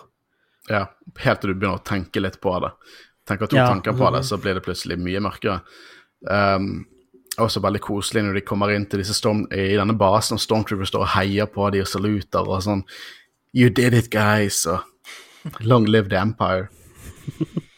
Ingeniører på innsiden. eh, Bare jeg liker innsikten vi får, at liksom, det er mange normale folk i, i denne episoden. Det er liksom ikke super eh, kultfolk. Det er liksom det normale folk som jobber for The Empire, som sier også det at de er virkelig the good guys. Bare Det var vanlige folk. også vanlige folk som jobber på Alderon, ikke bare sånne kult rebel Du, du bare feeder inn i mitt argument. Du. Det er bare det at begge var helt like, bare så var det Empire hadde kontroll. Eh, dere lyttere får vel si hvem som vinner, men jeg tror jeg kommer til å tape i løpet av denne episoden. Uh, og vi kommer inn liksom behind the enemy lines, og dette må jeg si er Nå, nå bygger vi oss opp mot noen av mine favorittscener i hele denne episoden. Nei, min favorittsekvens er alt det som skjer her inne. Uh, for de går inn, og så går de mot offiserene, offiserenes kartine. Uh, og Mayfield gjetter at det er en terminal der, og det er det. Helt til han stopper opp. For han ser et kjent ansikt. Ikke kjent for oss, men en eh, fyr som heter Valin Hess. En offiser som han tjente under, som han er nervøs kommer til å kjenne han igjen. Husker vi, vi, når vi, jeg og Guro, når vi satt og så dette, så var det sånn men hvorfor, hvorfor, bruker han ikke på, hvorfor tar han ikke bare på seg en hjelm når han ligger jo rett i tanken? Men så forklarer de at, eh, at, eh, at de, må, de må ha en De må vise fjeset sitt for å få tilgang til terminalen. Som, som kan være litt problematisk. De må skanne et ansikt, rett og slett. Eh, så det fungerer ikke å bruke igjen. Og han ville avbryte operasjonen, men det sier han nei, det Mando nei til. Det skal de fikse. Så Mando tar på seg rollen, faktisk. Han tar med seg en datastikk, og så går han veldig kleint, egentlig, veldig robotisk inn i kantinen. Han prøver å salute, men så bare tar han opp hånden halvveis. Eh, og han prøver seg først med hjelmen på, som jeg Den skjønner jeg. Det er sånn typisk jeg hadde gjort også. Jeg hadde prøvd meg. Eh, men så skjer det. Han fjerner hjelmen for å skanne seg inn. Og dette er ganske stort. Han brøt nettopp sin egen creed for Grogu. Så ifølge Children of the Watch så kan han aldri mer ta på seg den hjelmen. Men gjelder også dette når han ikke brukte sin egen hjelm? At han på en måte bare tar er- Ja, fordi da er det jo litt det som Mayfield sier. Er det det at han ikke kan vise fjeset? Eller kan han ikke bare ta av seg hjelmen? Jeg, jeg tror at eh, serien prøver å stille det spørsmålet. At vi skal sitte litt og bare sånn Ja, dette mm, høres ikke helt hjemme ut. Jeg føler det vi viser hvor langt han har kommet siden sesong 1, så nå kan han Han, han tar altså hjelmen ikke, ikke så veldig tvilende heller, jeg føler jeg. Bare han vil hjelpe Grogu bare ta han av seg med en gang.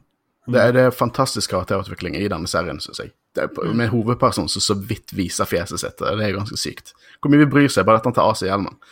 Um, men tror dere at dette had, var kanskje lettere for han, siden han har møtt eh, på Bo-Katan og Boba Fett Han har møtt all the bows, uh, som kanskje har vært med å redefinere det å være en Mandalorian for han. Det tror jeg. Uh, Det er jo tydelig at han på en måte stiller litt spørsmål med alt, egentlig. Og, men òg, som jeg har nevnt flere ganger, det med å tøye grenser. At han på en måte At han kanskje ikke vil innrømme det sjøl, men at han tøyer grensene med det å være Mandalorian. Så jeg eh, er veldig spent på om vi faktisk får se et nytt møte mellom eh, Din Djarin og eh, The Armor. Må jo få se. Om, ja. Fordi det er jo egentlig på en måte Det er hennes synspunkt og på en måte hennes tro som er blitt vi videreført til Din Jaren. Uh, så ja, det blir veldig spennende å se. Han har jo definitivt enda seg gitt han truffet først på Bogotan, som er sånn en sann Mandalorian født på Mandalore, tronarving. Og så har han truffet på Boba Fett, sånn Kanskje ikke er Mandalorian kanskje of Mandalorian, Mandalorian. men han er kind of Mandalorian, og faren var en foundling, sa- samme som Mm. uh, din. Men de har, forskjellige eh, levemåter og regler, men sånn, de er ennå Mandalorians, Ja. uten å være Nunes Mandalorians. Jeg ville, ka- jeg ville kalt Bovafett en Mandalorian. Det, det vil jeg.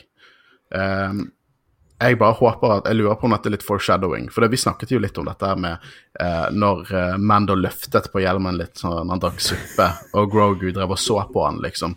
Eh, så kanskje vi faktisk får en scene mellom Mando og Grogu i denne sesongen, siste episode, der Grogu får se fjeset til sin daddy.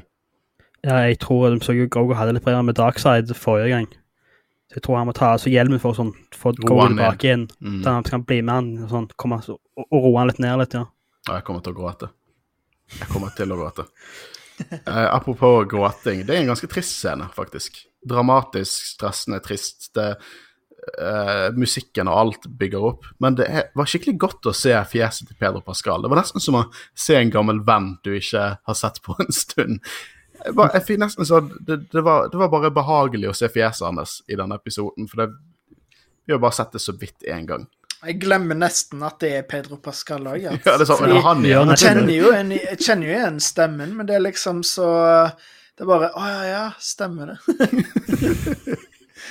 Eh, og her kommer det en annen spøk, da, at, uh, at uh, det er The Mayfield som er um, The Believer. For det er Once he saw his face Now, now I'm a believer. I get it. I get it. Jeg tror jeg drepte Marius. Svarte, altså. Uff, Uff, men. Valin Hess legger selvfølgelig merke til dette, og det er jo ikke noe rart i det hele tatt, for han er ikke akkurat smooth. han virker jo helt malplassert der inne. Og så vi snakket litt om deal med den skanningen. Eh, For Må du ha et fjes for å få tilgang til terminalen? Altså, jeg måtte jo nesten anta at den terminalen sånn herre Er du en droid eller ikke? Trykk på disse bildene av, eh, av en sykkel. Sant? Eh, Men har jo med seg en datapinne, så jeg vil anta at den kanskje inneholder enkelte krypteringer som åpner opp informasjon for den. Det er det eneste ting som gir mening for meg, for ellers er jo eh, sikkerheten hos The Empire jo helt grusomt dårlig. Alle kan jo gå inn der. Eh, Det er en eh, capture sånn Er du menneske eller er du droid? Som er, er jo et større problem for de enn det er for oss. Ja, sant. Men Valenhess han tar kontakt da, eh, og spilt perfekt og creepy av Richard Brake. Apropos Batman, han drepte Batman sine foreldre. Joe Chill. Ja, Joe Chill. Han spiller alltid de creepy karakterene. Han er alltid en sånn skuespiller som sånn Hvor har jeg sett han før? Å ja, det er han, ja. uh, og jeg eh, viser jo seg at Mando er jo bare en bableidiot uten rustningen sin. Uh, han, han klarer jo ikke seg uten rustningen. Han er jo helt ubrukelig uten rustningen sin. Ja, det viser jo hvor så sårbar han er uten han. Mm. Og du, Håvard, du, du hadde jo noen, eh, noen tanker rundt hvordan han bevegde seg. Ja, eh, det var ikke mine egne tanker, det kan jeg aldri påstå. Ikke vær ydmyk, eh, det er dine egne tanker. Jeg så det faktisk på Twitter eh, rett før vi spilte inn, så jeg har på en måte ikke fått eh, sett eh, noe særlig sjøl. men det er at gjennom hele denne sekvensen der han ikke har på seg eh, hjelmen, så er det måten han eh, snur og beveger hodet på. At han liksom Han snur det som om han har en hjelm på. Han snur ikke bare øynene, fordi vi kan jo ha hodet i ro og så se ganske mye med å bare snu øynene, men når han liksom fysisk beveger hodet opp og ned og til siden og sånn, som om han har en hjelm på. Så det syns jeg var bare en liten morsom detalj. Det gir jo utrolig mye mening, da. At, som at han har gått mesteparten av livet sitt med den hjelmen på hodet. At han rett og slett har glemt litt hvordan man har human interaction. det gir jo mening. Eh, Det er jo en veldig kul detalj. Mm. Um, Det er jo veldig Batman å bevege hele kroppen når du skal, skal se på ting. ja, det er sant. um, men han hans uh, Vess uh, Vess, hva var det han het nå igjen? Valin Hess. Valin Hess. Vess. Valin Hess. Han, uh, han spør liksom hva hans desi eh, designasjon er, designation, og så har jo ikke Mando peiling på hva han skal svare, så han sier 'transport crew'. Tank transport crew. Men til og med jeg vet hva Hess spurte om her. Liksom, bare se på Cannon. Ikke at Mando vet like mye om Cannon som jeg gjør, da, men uh... og, Han har jo ikke engang hørt om Luke Skywalker. Eller Jedi. Ja, sant. Uh, men Mayfield kommer faktisk til unnsetning. Vi ser liksom det kutter litt til siden av Mayfield driver serien. Men han kommer til unnsetning når Mando ikke klarer å finne på et eneste t- t- TK-number og sier at uh, Mando er en tunghørt offiser med designasjonen TK593 og kallenavnet Brown Eyes. Og Mando bare nikker og smiler. Uh, Mayfield sier sjøl at han er en TK, han TK111, uh, løytnant i Imperial Combat Assault Transport. Uh, og jeg driver og forklarer det at uh, Brown Eyes har mistet uh, hørselen, eller ble tunghørt, under en, en transport i en transport på Tanab som mistet trykket. Og Tanab er jo noe vi har hørt om før, bl.a. i Return of the Jedi. Mm. Det var vel her Lando fikk generaltittelen sin. Ja, og jeg researchet ikke helt dette opp, for jeg tror ikke vi har fått spesifikt dypt denne historien. Nå, Marius, har du, husker du noe om vi har fått den historien eh, annet enn bare i referanser til? Ikke så jeg kom på, nei. Nei, for det, det er vel en av de gangene i, i Legends, garantert. Men ikke Ja, garantert. Canon, tror jeg. tror ikke det har vært i Kennan. Um, men ja, så vi Kan vi spare det til, til Hvorfor tok, vi to- tok deg med som en sikkerhetsnett for meg, og her klarer ikke du å levere? Sorry. Og det ender jo selvfølgelig med at Hess vil ha en drink med de, ettersom de er de eneste som klarte å levere transporten sin. Ja, det skjedde ikke- det er jo temmelig unormalt at en trooper faktisk gjøre en jobb skikkelig. Og Det må feires. Ja, men de må jo virkelig begynne å redefinere, eller så tenke og reorganisere hvordan de transporterer det der jævla middelet. Hvis bare sånn eh, OK, vi har eh, ti, ti eh, transporter blitt sendt ut, og én av de leverer. Så vi har sånn 10 eh, success rate og bare få det over en distanse på planeten. Sier litt om The Empire. Men her eh, er seksjonen jeg liker å kalle Inglorious Nerfherders. Uh, for det er jo som den scenen fra Inglorious Bastards, når de sitter nede i baren, og du bare venter på at alle skal begynne å skyte hverandre i fillebiter. Og så intenst og bare bra regissert. Og sk skuespillet, top notch. Men da ser jo bare klein ut gjennom hele driten, men det, det er mer mellom, eh, mellom han eh, Hess og, og Mayfield. Eh, og det er virkelig virkelig kule greier. ass. Det, det er sjelden vi har fått noe sånt i Star Wars, for å si det sånn. Og det er her det jeg snakket om at det var en spy thriller, fordi det det er liksom Det er tatt rett ut ifra omtrent Inglorious Bastards, bare ikke like morsomt når det er den barscenen. Ja. Der det bare er så intenst, og det er liksom Du vet akkurat hva som kommer til å skje, men når det skjer, så er det bare dritkult. Må Jeg liker også at Mando ikke klarer å finne på en eneste planet han kommer fra. Han spør hvor kommer du fra. Han klarer ikke å si Tatooine eller et eller annet. Ikke en dritt. Helt uh, Han er tunghørt, vet du. Eh, så det begynner jo det at Mayfield tar jo over. Han sier la oss skåle for Operation Cinder. Og det er ganske stor eh, name-drop her. Og Hess svarer jo her har vi en mann som kjenner sin historie. Og det er virkelig ikke så lenge siden det skjedde. Og det er en ganske stor event innenfor Vampire, Men kanskje det omhandler litt dette når vi diskuterer hvorfor eh, galaksen har glemt The Jedi. At det er såpass stor galakse med så mange hendelser at for et par år siden kan føles som for oss for 30 år siden, rett og slett. Tenk, tenk, bare, tenk bare på hvordan Reddit fungerer. Det som er kjempestort en dag, kan være glemt om tre måneder. Men det har vel òg kanskje litt med, som du sa, hvor stort universet er. Fordi at en som bor på bokstavelig talt andre siden av galaksen, at liksom de får ikke det med seg, fordi de har ikke opplevd det sjøl, på en måte. Mm. Uh, og uh, det var vel Operation Cinder, det skjedde vel helt i slutten av The Empire, var det ikke det? Jo. Rett før uh, Opp mot uh, slaget av Jakku. Så det er jo uh, Det kan jo hende at det er noe de prøver å bare ign Eller ikke ig ignorere, men at uh, de vil glemme det litt. The New Republic. At det er ikke noe de snakker om, på en måte. ikke. Eh, men Det, det er jo Jeg begynner å lure litt på hvem disse folkene er, da. Om de har tilknytninger til The First Order og litt sånn. For at, hvis vi snakker litt om Operation Cinder, så var jo det en stor fuck you til, eh, til hele galaksen hvis Palpatine skulle dø. Eh, og det omhandles rett og slett enkelt sagt om å kvitte seg med svakt blod innad The Empire. Eh, blant annet hvis du har lest noen av eh, disse tegneseriene som ble sluppet opp mot Force Awakens-filmen, og Battlefront 2-kampanjen, faktisk, så eh, fikk vi se mye av dette med Operation Cinder, eh, og eh, enkelte steder omhandlet om involverte det store maskiner som skapte slike elektroniske stormer. Eh, eksempel på Vendor, som var en veldig lojal eh, keiserlig planet, som de bare drepte veldig mange på. Og dette er jo, dette er jo faktisk sånn siste det, det var da mange Imperials, inkludert Aiden Iden Versio, som tenkte Ha, are we the baddies? Eh, og bare forlot The Empire på grunn av det. Men der, derfor begynner jeg å tenke liksom, er disse folkene her, uh, The Imperial Remnant For at her snakket jo om at han, han deltok i Operation Cinder, og Mayfield var jo der med han på, uh, på Burning Con, sier han. Og det kan jo hende at det er connections til First Order der, for at First Order er jo også Imperial Remnants.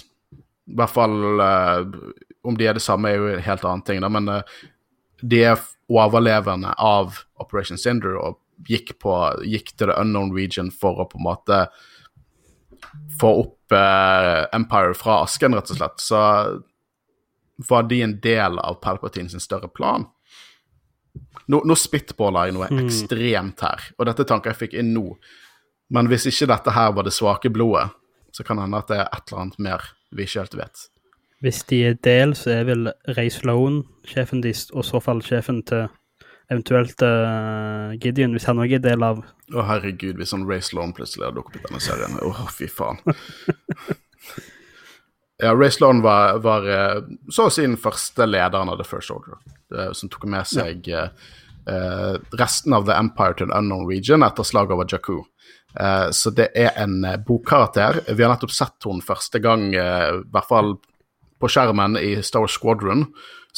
Eh, så der, er jo, eh, der får vi litt backstory der også, da. Men det, det, er en stor, det er en stor karakter, så hvis hun hadde dukket, dukket opp, da hadde jeg blitt uh, svett igjen, sånn som den serien gjør meg.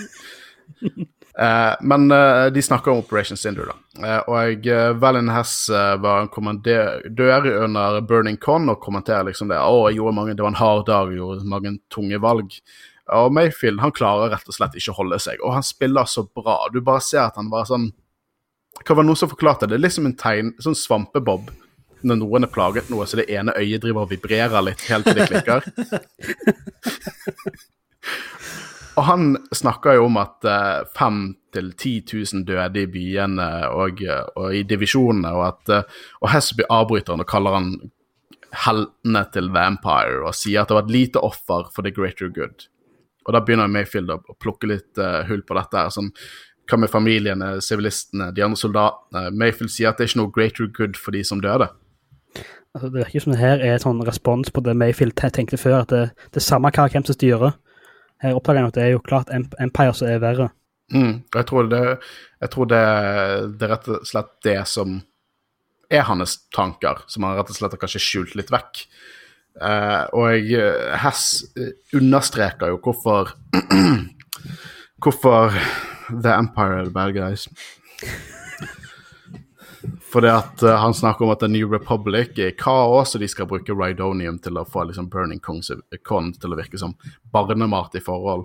Og han snakker om at alle tror de vil ha frihet, men det de egentlig vil ha i orden. Og hvis de skaper dette kaoset, så vil de ta imot The Empire på nytt igjen.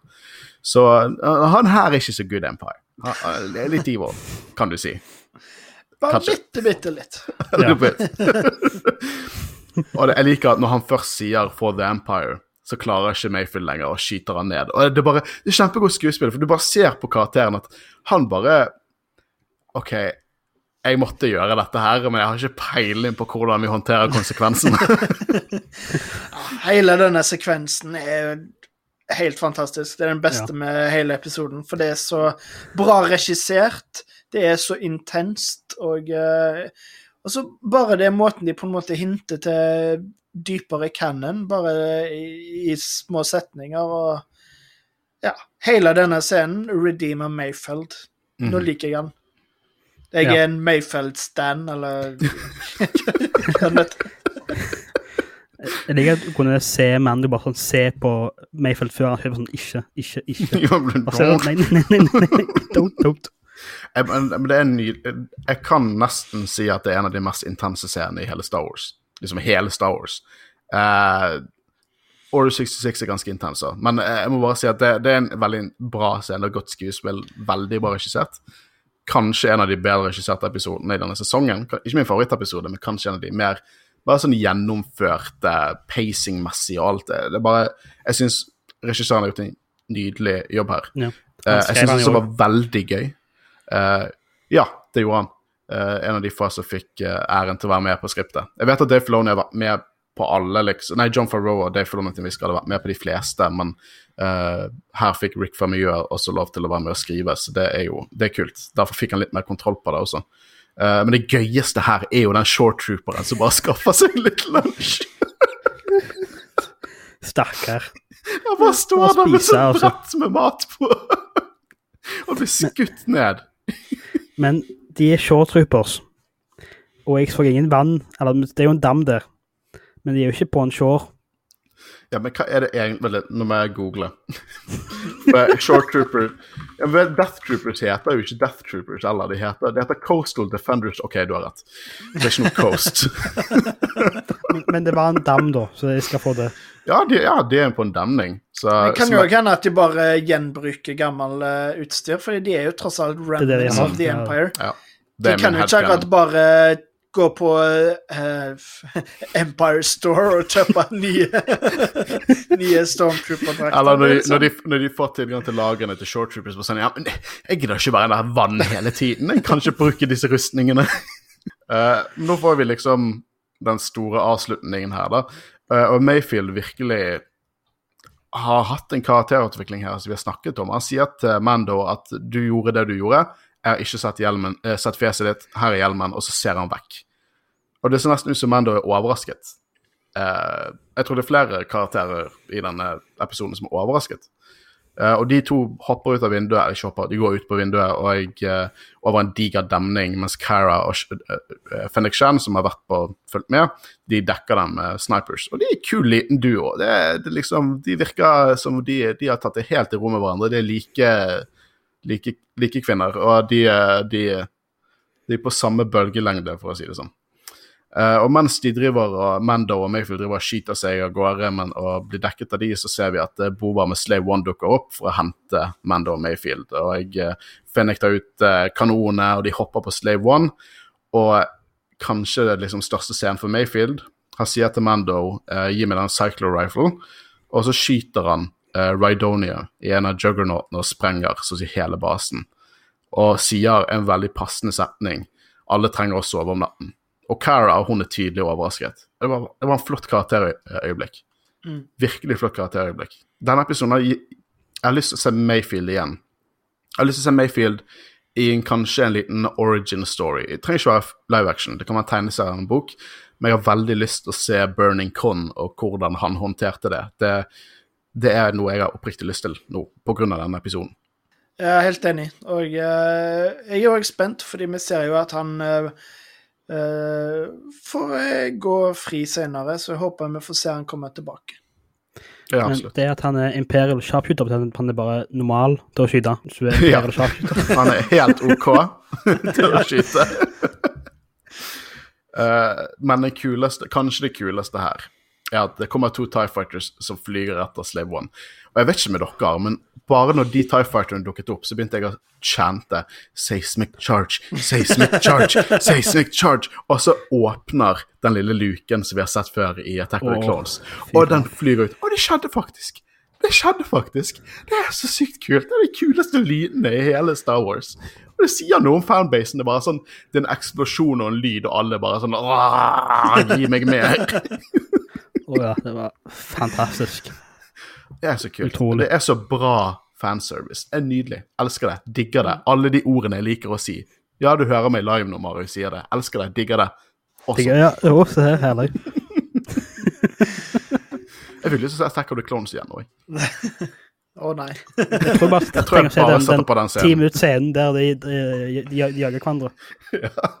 Nå kommer vi til avslutningen her, og de lar Mayfield gå. Og jeg liker Istedenfor den klisjeen i bare sånn derre Oh, it looks like the prisoner died during the attack, og så bare går han. Så er han litt sånn Betyr dette hva jeg tror det betyr? Han spør flere ganger. For det er noe jeg hadde gjort i den situasjonen. For det er liksom sånn at Cara hun snakker i Hva faen betyr bedre utsikt? Så hva faen betyr dette? Så hvis han gjetter feil, eller feiltolker situasjonen, så kan han lett bli skutt i ryggen. Det er til og med ikke før Mando faktisk rister på hodet sitt at han kan gå. Det er da han var sånn OK, og til og med da er han litt sånn sikker. Så jeg, liker at de lot han gå. Eh, det er realistisk sett sikkert veldig uansvarlig. For det er sikkert en fyr som har gjort mye bad shit i sitt liv, men eh, jeg liker det. For jeg liker Mayfield. Eh, og Mando han formidler jo at han har fått koordinatene til Moff Gideon, og Slave One tar av med crewet, og vi kutter til cruiseren til Moff Gideon. Og Mando han er stor fan av Taken med Liam Neeson. Så han har sendt inn et hologram der han bruker talen eh, som Off Gideon brukte mot han i episode 7 av sesong 1, og rett og slett bruker han mot han og bare 'Du vet ikke hva du har'. Og det ga meg frysninger. Det, det liksom, Vi får se en evolusjon av forholdet til Mando og Grogu. Han, Grogu er ikke lenger oppdraget hans, det er sønnen hans. på alle mulige måter. Det er sønnen hans. Og eh, Mando har vist gang på gang hele denne episoden og absolutt nå at han skal gjøre alt for å redde den ungen, inkludert å drepe frihetskjempere og gå imot sin egen creed. Han bruker skremselstaktikker. Det er så kult. Og det gir riktig liksom hype til siste episode. Og jeg, elsker også at, at uh, Moff Gideon ikke smilte, ikke var cocky. Han virket nesten litt nervøs. Men det er kanskje ikke så lurt å si, eh, gi, gi en heads up til Moff Gideon at eh, ja, vi kommer for å hente han, så bare vær klar. Nei, men Rule of cool, eh, Håkon. Rule of Det- cool. Ja, det var kult, og da kan jeg ignorere alt med logikk rundt det. Ja, jeg, jeg vet hva. Eh, jeg tror at Dave Filoni og John Farrow de kommer til å overraske oss stort i siste episode. Uh, og denne episoden bygger så perfekt opp. Det var litt det vi forventet av denne episoden, egentlig. Bortsett fra at vi ikke fikk sett uh, Bo-Katan og Soka, som var liksom de ville spekulasjonene vi, vi hadde da. Først i denne episoden igjen, kanskje vi får se Bo-Katan. All the bows together, det har jeg lyst til å se. Er den spøken litt uh, utsprukt nå? Bitte litt. Du kan ta den et par ganger til i neste episode hvis det skjer. Mens da Hvis de dukker opp i neste episode, skal episodetittelen hete All the Bows. Eh, men hva synes vi om episoden her? Veldig god. Uh, det er nok ikke favorittepisoden min, verken totalt eller fra sesong to. Men uh, det er en veldig, som jeg har nevnt, veldig bra regissert episode, og det er utrolig spennende. Og det gir veldig mye karakterutvikling, så det føles overhodet ikke som en filler. Selv om på en måte det de gjør, er på en måte ikke så viktig. Fordi det leder liksom opp til det som kommer til å skje i neste episode, så på en måte så er det en filler, men på grunn av litt sånn som eh, med sånn som episode to av sesong én. Det er jo òg teknisk sett en filler-episode, men det lærer mye om karakteren og, Mm. og litt sånn. Så ja, nei, veldig god episode. Og OK action, men eh, spenningen var gjorde det veldig bra. Jeg synes det var en veldig sånn, solid episode. Sånn. Jeg tror den beste som ikke er sånn han er god fordi han har Bo-Katan eller Ahsoka eller Boba Fett. Han er bare god fordi han er en solid episode av Ben Mandalorian med god karakterbygging, Uh, seismic charges, Slay One og den samtalen. Jeg tror den bærer hele, hele episoden i mitt hode. Eh, Ja, jeg, jeg må si meg veldig enig. Det, det, som jeg sa i begynnelsen, det er på en måte det back to basics. Det er ikke en stor reveal, bortsett fra Seismic Charge, da. Uh, så er ikke en stor karakter-reveal. Det er Mando som gjør Mando-shit for å få historien videre. Og jeg vet ikke om Jeg har problemer med å kalle dette filler. Jeg synes ikke det er filler, for det, liksom Hvis dette er filler Plottet hva, fremover. ja, og hva er det Hva er det involverer Hvorfor er ikke liksom Asoka-episoden eller Bobafett-episoden noe filler hvis dette her beregnes som filler? Det, dette beveger plottet fremover. Vi får ekstremt mye karakterutvikling. vi får liksom Dette er kanskje karaktermessig en av de viktigste episodene for Mando. Hvor mye han endres, har endret seg. Så, så eh, Du snakket om, Marius, vi, denne episoden viser en evolusjon fra første gang vi så Mando, til vi ser han nå. Og Derfor mener jeg at det er en kjempeviktig episode. Det hadde vært friskt pust. Vi fikk en Mando-fokusert episode før den store crazy finalen, eh, som vi ikke er langt unna nå. Eh, jeg, jeg, jeg er enig også med deg, Håvard. Det er ikke min favoritt.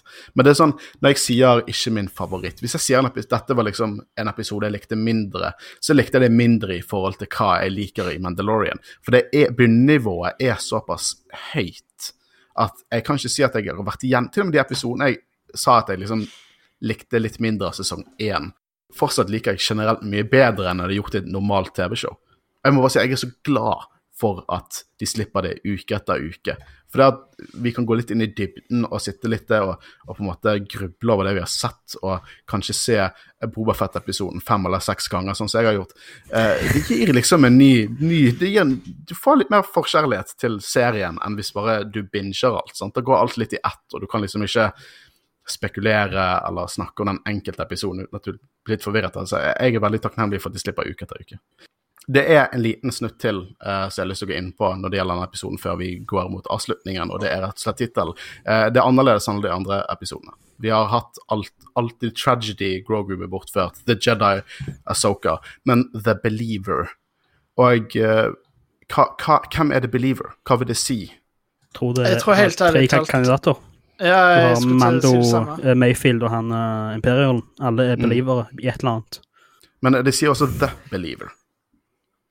Ja, da tror jeg det kanskje er Altså, jeg tror Mando er den som beveger mest på sånn grunnleggende tro, men også Mayfield er en veldig god kandidat. Så. Jeg tro at realistisk, eller mest, det enkleste svaret er nok Mayfield. Uh, for det er alle disse andre episodene som har en gjestekarakter, for det er jo sånn man nesten kan kalle det. Uh, de har alltid hatt tittel på seg. Uh, The Heiress, The Jedi, The Marshal, no, The Believer. Så den første tanken min hadde gått til Mayfield. At han kanskje ikke er tilsynelatende en believer, men eh, i siste slutt så tror han på det som han føler er rett sitt moralske kompass, og prøver å gjøre det godt igjen i tilsynelatende et liv der han har gjort mye ille. Men så er det interessant når dere tar opp han, han eh, Hess. Eh, for han er jo en ihuggernes believer, han òg. Han, eh, han, han tror nesten kultlignende på dette med The Empire. Og så har du Mando. Eh, og eh, det kan være paralleller der at hva det er han tror på, redefinerer seg. Spesielt i løpet av denne episoden. Så på mange måter kan det være snakk om, som dere sier, disse tre personer. Ulike, eller ulike paralleller med, på det å være en believer. Hvem vet? Jeg, jeg, jeg syns det var interessant hvordan de, de satte opp, i hvert fall. Vet du hva, jeg tror siden det er så usikkert, så tror jeg vi bare skal gå for det du sa, at det er Mayfield, fordi han så his face. Eh, Men dere lyttere, dere lytter jo på oss, og dere har meninger, for dere er Star Wars-fans, og det setter vi så sykt stor pris på at dere sender inn til oss. Eh, Så vi skal gå gjennom eh, ganske mange nå. Eh, Vi kommer sikkert til å sitte her en stund. For å gjøre det fort. Så den første her, og den, den forklarer jo egentlig mine følelser ganske godt, det er seismic charge pluss paint job. Wow! Utropstegn. Ja, wow. Det, det, det, jeg var så hypet over alt. Jeg trenger den actionfiguren med en gang. Det er så irriterende. Jeg samler på Hot Toys, de bruker sånn to år på å produsere. Jeg fikk nettopp Grogu og Beskar Mando fra sesong én. Og nå må du ha et nytt lår for å være oppe i sesong to. Ja, det, det, det, det, det må jeg. Jeg må sikkert selge et ekte lår for å få råd til, eh, til å opprettholde denne hobbyen også. Eh, her har vi en annen. Aldri ønsket å være med i The Empire mer et, enn etter jeg så denne episoden. Ja, join us. Det er mye bedre på denne siden. Det er det, det, virkelig om mye det, du, bedre. du som har skrevet den. Nei, faktisk ikke. Jeg er så happy med den der. Men jeg er litt bekymret etter som du har lyst til å være med i The Empire etter du hørte liksom han hest snakke om War Burning crimes. uh, og Seismic Charge er lik sleve-emoji. Det er en fellesnevner med denne Seismic Chargen. Folk er hypet. Gåsehud for en rå episode. De bygger opp en sjuk kamp mellom Gideon og Mando. Ja, fy faen. Uh, bare det spydscenen her, hvor mye han eh, driver og Du vet, du, de, den eksisterer for du skal vise at han kan spyd. Så jeg, jeg er så sykt spent på den episoden. Altså. Fy søren. Jeg, jeg bare gruer meg til å dodge filler, nei, spoilers. Fillers. Jeg må dodge spoilers hele dagen på jobb mens jeg venter på å se episoden. Å, stakkars. Og her er det en som allerede eh, eh, beskytter eventuelle anklager. Ikke en filler. Karakterbygging i tanke på forholdet mellom Mando og Fett. Boba Fett, ja. Uh, ja, det kan jeg si. Jeg tror, jeg tror det er veldig mye forhold mellom ulike karakterer som blir bygget opp her. Uh, som jeg alltid setter pris på i Star Wars. Gjorde det den skulle, og Boba Fett var dritkul. En helt grei episode før finalen. Uh, ja, jeg, jeg, jeg trenger ikke nødvendigvis være uenig med den. Jeg syns den var veldig bra. Eh, jeg vil si helt grei i forhold til Mando-standarder. Eh, jeg syns faktisk personlig det var litt forfriskende å ikke få en svær karakter-reveal her også, for fort kunne det blitt litt slitsomt. Det er litt sånn som når du hører eh, Når du ser en lightsaber, og så er det jævlig kult, og så ser du en, en kjempeteit scene fra en film der det er sånn 10 000 lightsabers som løper i ørkenen mot masse droider, og så finner du ut at det er litt kulere i teorien enn det egentlig ser ut her. Helt OK, litt kjedelig til tider, men Seismic Charge, Capslock, oh my god. Og denne her, diskriminerende. Jeg vet ikke helt hva du mener med diskriminerende, men hvis du mener også at Mayfield var latterlig frekk og diskriminerende mot Mando, så er jeg helt enig. Det er rasistisk mot Mandalorian-kultur, og det er godt at du ser det også. Her er det en som skriver 'Årets vakreste øyeblikk', Boba Fett med nymalt rustning. Og eh, ja, det har vi jo allerede snakka ganske mye om. Det var ganske kult øyeblikk, egentlig. Og litt sånn som Håkon, så var jeg jo sånn at jeg bare Noe var annerledes, men jeg klarte ikke, klarte ikke helt å se det. Og så var det liksom bare ah, ja. Ja, jeg, vi, jeg og Marius har snakket overanalysert den scenen til de grader. Altså. Her er det en som skriver sju av ti, men jeg fikk tårer i øynene da Boba slapp ut en seismic charge. Så det ender på åtte av ti. Så det, det, det er tydelig at seismic charge det har eh, gitt inntrykk, altså. Jeg, jeg liker hvis det hadde vært eh, Hvis det ikke hadde vært en seismic charge, så er det syv av ti ikke nok seismic charge. Jeg skal skrive nydelig regissert. Bill Burr og Short Troopers. Hjerte. Det er alt Og jeg trenger i min Star Wars. Ja. Og jeg er igjen helt enig. Det var en veldig bra regissert episode.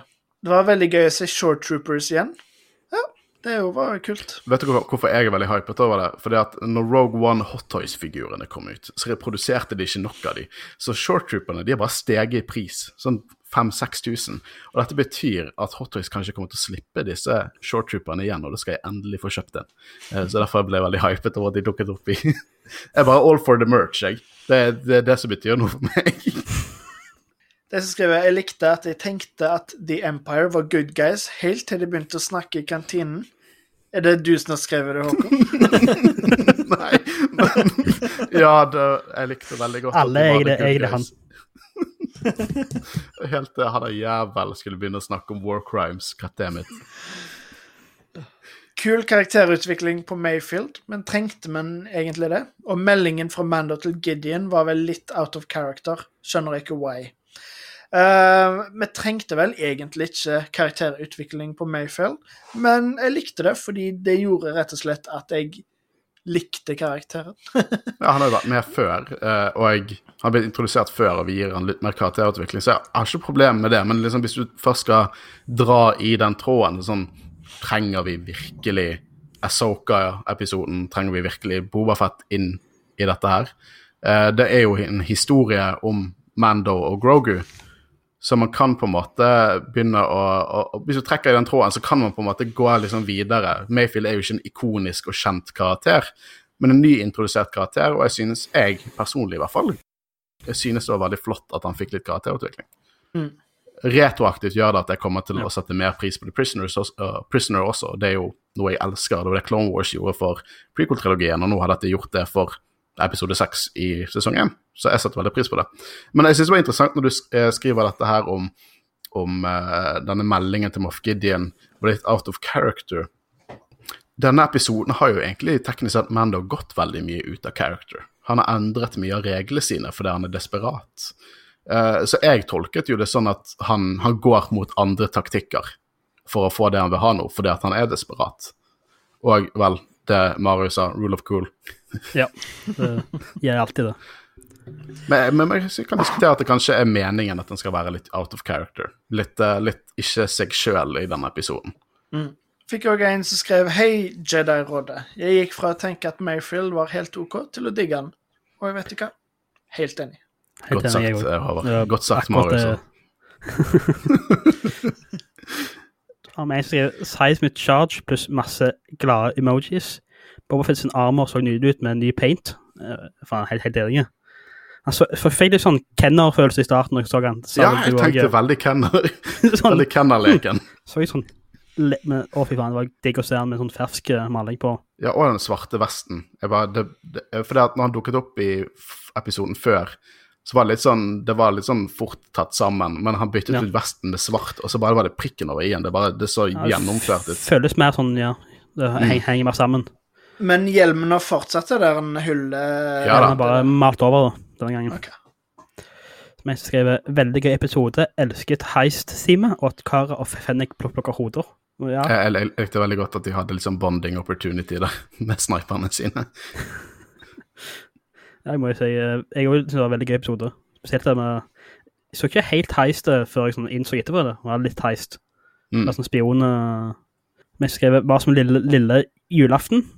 Seismic Chardpo var som porno for både øyne og ører. Og ja, fy faen. Men det, det, er morsomt. Det, jeg syns det er så gøy at alle er så hypet på det. Det er liksom, Folk er så sykt hypet på noe som er egentlig bare lys og lys og Ja, men om må jo si at Django og Slay One var jo en av de beste delene av hele episode to. mm. Clones. Det er jo ikke rart at folk, folk liker det. Jeg som skrev føles filler ut, men likte samtalen om Mando ikke kan ta av hjelmen. Eller må ikke vil vise fjeset. Jeg må si jeg er uenig med filler. Eh, ganske uenige.